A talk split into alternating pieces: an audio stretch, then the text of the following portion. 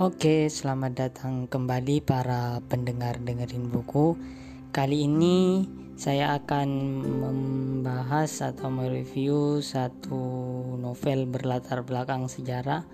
Novel yang bisa dibilang novel lawas karangan Ahmad Tohari dan judulnya adalah Kubah.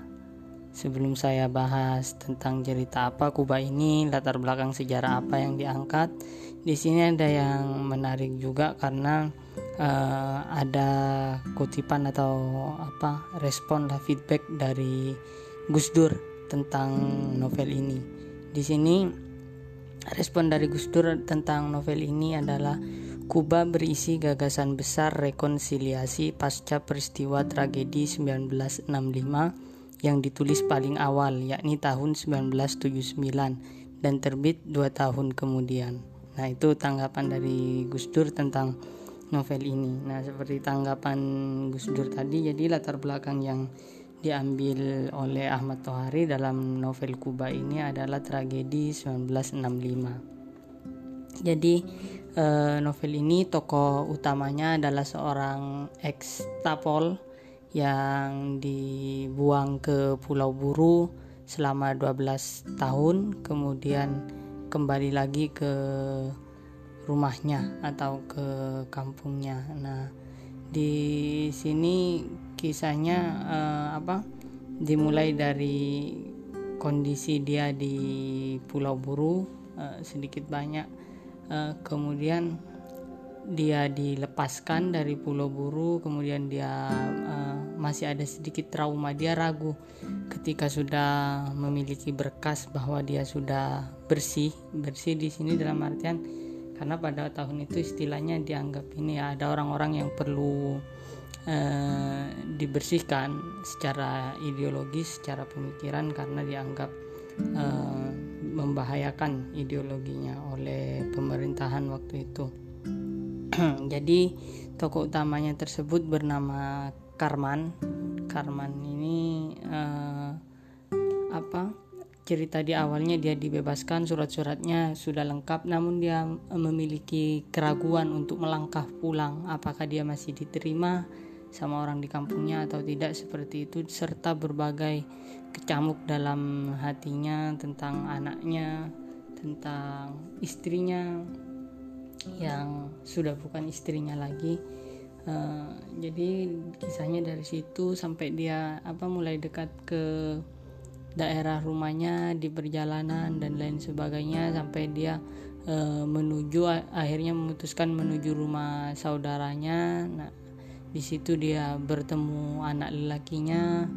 Nah dari situ cerita ini dimulai sampai um, kemudian flashback ke belakang tentang bagaimana ceritanya sampai si Karman ini bisa masuk ke dalam partai terlarang dan dia menjadi tahanan politik. Cerita di sini cukup menarik menurut saya karena Ahmad Tohari tidak eh, apa ya, tidak tidak membela ideologi kiri tersebut, tidak membenarkan tapi juga tidak Eh, semata-mata menyalahkan di sini. Jadi berbeda dengan buku-buku tragedi 65 yang saya sebelumnya yang biasanya ketika mengangkat tokoh dari kubu kiri tersebut akan benar-benar membela sisi ideologisnya tapi di sini uh, Ahmad Tohari tidak uh, membahas dari segi ideologi seperti itu. Jadi ceritanya Karman ini anak dari seorang priai, dulunya bapaknya seorang priai berkecukupan sampai kemudian uh, di masa penjajahan Jepang di situ terjadi kemelaratan. Nah, ayahnya ini bisa dibilang gengsinya tinggi. Nah, jadi di masa susah tersebut orang-orang di kampungnya uh, karena makanan mereka dirampas oleh Jepang, akhirnya beralih makan ubi atau apa pun pengganti dari nasi. Nah, tapi si bapaknya si Karman ini dia tetap pengen makan nasi karena dia merasa yang namanya pria tidak pantas makan singkong dan lain sebagainya makan ubi nah akhirnya dia menjual tanahnya menukarnya dengan e, beras yang waktu itu tentu harganya sangat mahal. Nah, kebetulan yang panennya cukup berhasil dan berhasil disembunyikan tidak diambil oleh tentara Jepang e, milik Haji Bakir. Nah, akhirnya e, harta atau sawah yang dimiliki oleh bapaknya Karman ini habis ditukar dengan e, beberapa e, kintal beras kintal atau ton saya sudah sedikit lupa intinya. E, harganya sebenarnya tidak masuk akal cuman mau bagaimana lagi. Nah dari situ kemudian uh, singkat cerita bapaknya Karman ini meninggal. Akhirnya Karman uh, hanya tinggal bersama ibunya. Nah yatim lah dia.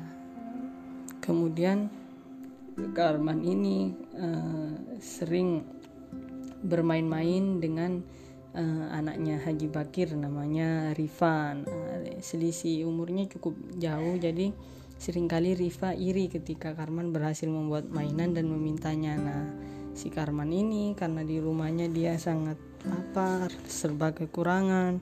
Akhirnya dia punya ide. Dia mau menukar mainannya atau memberikan mainannya kepada Riva dengan syarat Riva harus memberinya makanan. Nah, Riva mengiyakan karena Riva ini anaknya Haji Bakir serba berkecukupan.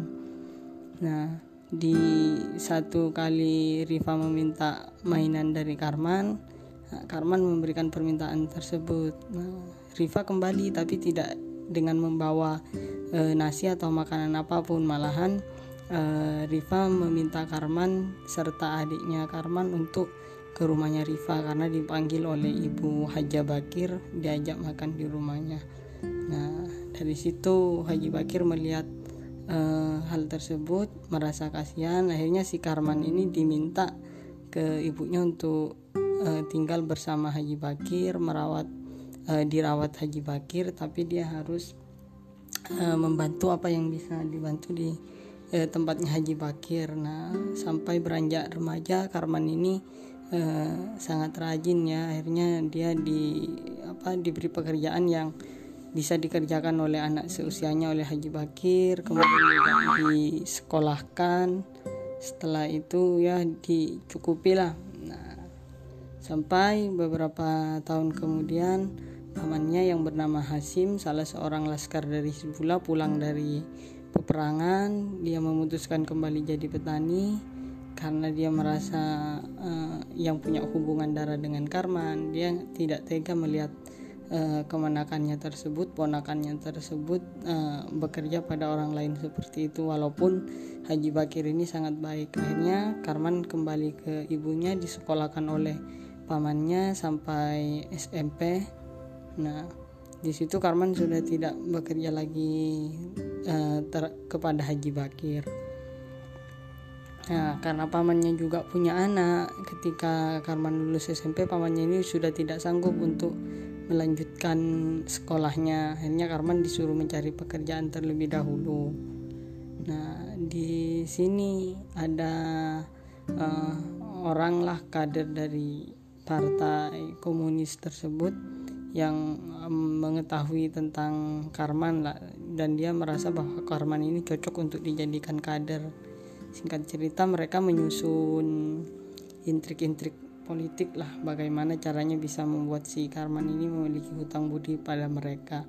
Uh, akhirnya Karman uh, perlahan-lahan tidak langsung direkrut menjadi anggota partai uh, tapi difasilitasi dulu diberi pekerjaan di kecamatan dan lain sebagainya sambil disusupi ideologi-ideologi dari komunis ini. Diberi buku-buku tentang ajaran Leninisme dan lain sebagainya. Nah, uh, seiring tersebut Karman juga sering dihasut uh, bahwa Haji Bakir ini uh, adalah seorang uh, apa ya yang jahat lah uh, kemudian Karman dikasih tahu bahwa harta bapaknya uh, sawahnya ditukar hanya beberapa kintal beras dan itu tidak masuk akal dan lain sebagainya nah hal ini membuat uh, Karman membenci Haji Bakir walaupun dia merasa punya hutang budi pun uh, oleh Margo ya perekrut dari Karman ini dibilang bahwa sebenarnya uh, impas saja karena Karman telah memberikan tenaganya untuk Haji Bakir tidak punya hutang budi dan lain sebagainya. Bahkan sebenarnya Karman yang diperalat oleh Haji Bakir masih muda sudah dipekerjakan dan lain sebagainya. Intinya si Karman ini dihasut terus untuk membenci Haji Bakir.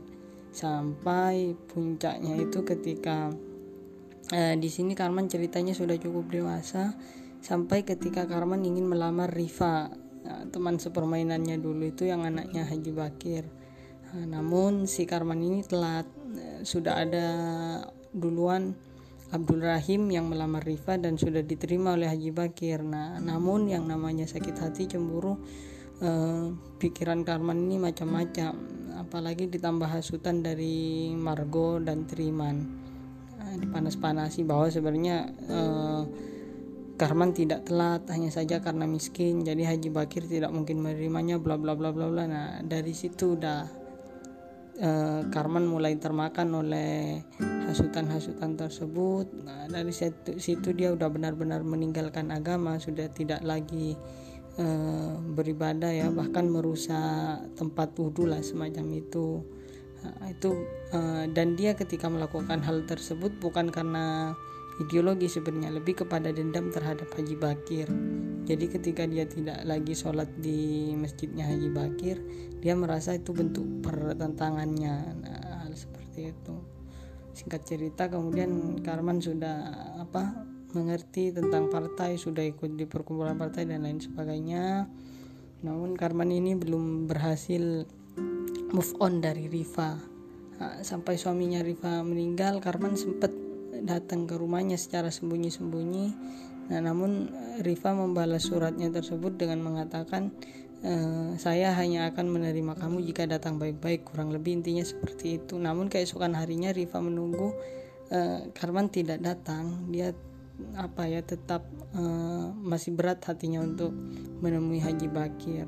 Nah, kayak tak lama setelah kejadian tersebut, nah, e, akhirnya si Karman ini menikah dengan Marni sampai mempunyai anak dan lain sebagainya.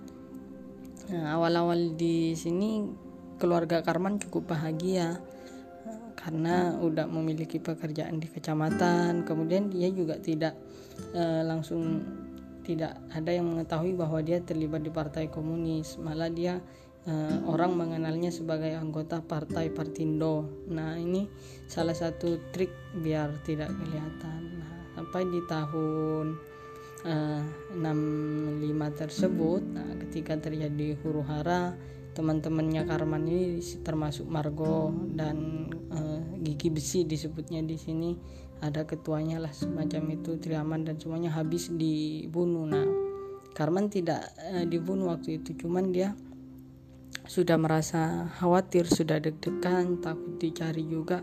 Akhirnya dia kabur. Dia pamit dulu kepada Marni, dia menitipkan anak-anaknya dan lain sebagainya. Nah, sekarang ini pergilah ke bersembunyi di kuburan dan lain sebagainya. Ya dia bertahan hidup sebisanya. Nah, sampai suatu ketika dia setelah berbulan-bulan e, bersembunyi dia sakit dan lain sebagainya akhirnya ketahuan sama warga ditangkap dan mungkin karena dalam kondisi sakit tersebut Karman tidak dipukuli tidak dibunuh langsung secara nah dari situ dia ditangkap dan diasingkan ke Pulau Buru. Di Pulau Buru tersebut Karman eh, daripada teman-temannya yang lain dibilang cukup beruntung karena eh, yang lain itu temannya langsung ditinggalkan istrinya.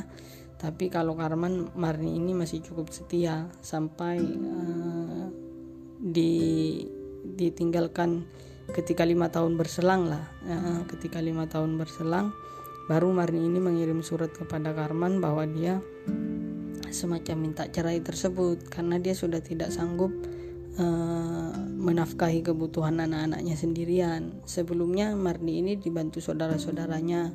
Nah, cuman ketika dia bersikeras tidak mau menikah lagi karena setiap ada Karman, saudara-saudaranya sudah berhenti membiayai. Nah, akhirnya setelah lima tahun dia mencoba bertahan tersebut, dia menikah lagi ya, dengan uh, lelaki lain yang masih teman sekampungnya Karman juga. Nah, yang menarik adalah dramanya ketika Karman kembali tersebut.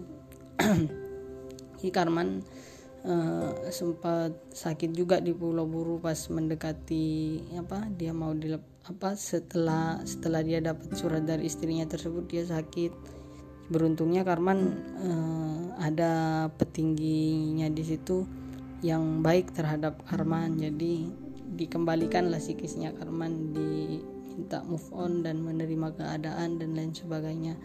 Seperti itu. Nah setelah Karman kembali ini yang drama konfliknya. Beruntungnya Karman ketika kembali ke kampungnya juga orang-orang desa Pegaten ya nama desanya Karman ini uh, mudah memaafkan. Artinya dia tidak mengungkit-ungkit lagi kasusnya Karman bahkan tidak menanyakan langsung menerima dan memaafkan begitu saja. Itu Karman pun beraktivitas dengan normal lah. Ketika mantan istrinya ini Marni ya walaupun sebenarnya Karman tidak pernah menceraikan datang itu pingsan situ dramanya. Nah mungkin pesannya itu di akhir. Jadi eh, anaknya Karman yang perempuan ini Tini pacaran dengan cucunya Haji Bakir yang eh, tidak lain tidak bukan anak dari Riva nah jadi ketika Karman pulang dan lain sebagainya di situlah lamaran terjadi. Nah, di situ Karman sangat senang karena yang melamar anaknya adalah anak dari eh, Riva nah di situ juga Eh, kenapa judulnya Kuba? Ternyata karena di akhir uh, masjidnya Haji Bakir ini sudah mulai jelek kemudian warga sepakat untuk memperbaikinya nah sesuai dengan kemampuan masing-masing artinya yang sanggup uh, apa bisa jasa di mana nah dia mengerjakan hal tersebut nah Karman karena dia uh, bisa membuat kubah semacam itu memiliki keterampilan itu ketika berada di Pulau Buru dia yang mengajukan diri untuk membuat kubah tersebut. Nah, di situ uh, endingnya seperti itu ya. Jadi Karman istilahnya kembali ke jalan yang benar. Uh, oh ya, dan ini juga uh, Tini anak dari Karman ini oleh Haji Bakir akhirnya uh, diberikan tanah atau sawah yang sebenarnya punyanya kakeknya Tini yang dibeli Haji Bakir tersebut di diberikan kepada Tini lagi karena sudah menikah dengan Jabir cucu dari Haji Bakir ya menariklah di sini karena eh, Ahmad Tohari ini tidak menurut saya tidak menjudge bahwa ideologi kiri ini atau komunis ini buruk atau tidak tidak apa tidak gamblang seperti itu ya. Walaupun di sini dikisahkan uh, apa ada semacam kesalahpahaman ya walaupun uh, lebih condong ke ideologi kanan Ahmad Tohari tapi menurut saya ini uh, buku yang sangat bagus karena tidak tidak menyerang secara sporadis seperti itu. Oke itu mungkin saja jika teman-teman tertarik uh, lebih lengkapnya ya. Uh, silakan dibaca biar lebih seru.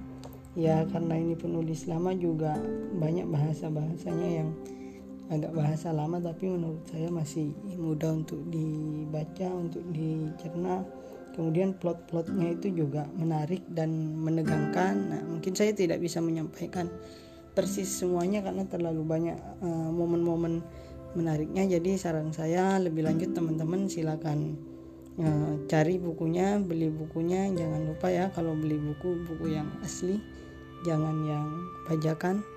Oke itu saja. Terima kasih. Sampai jumpa di episode berikutnya.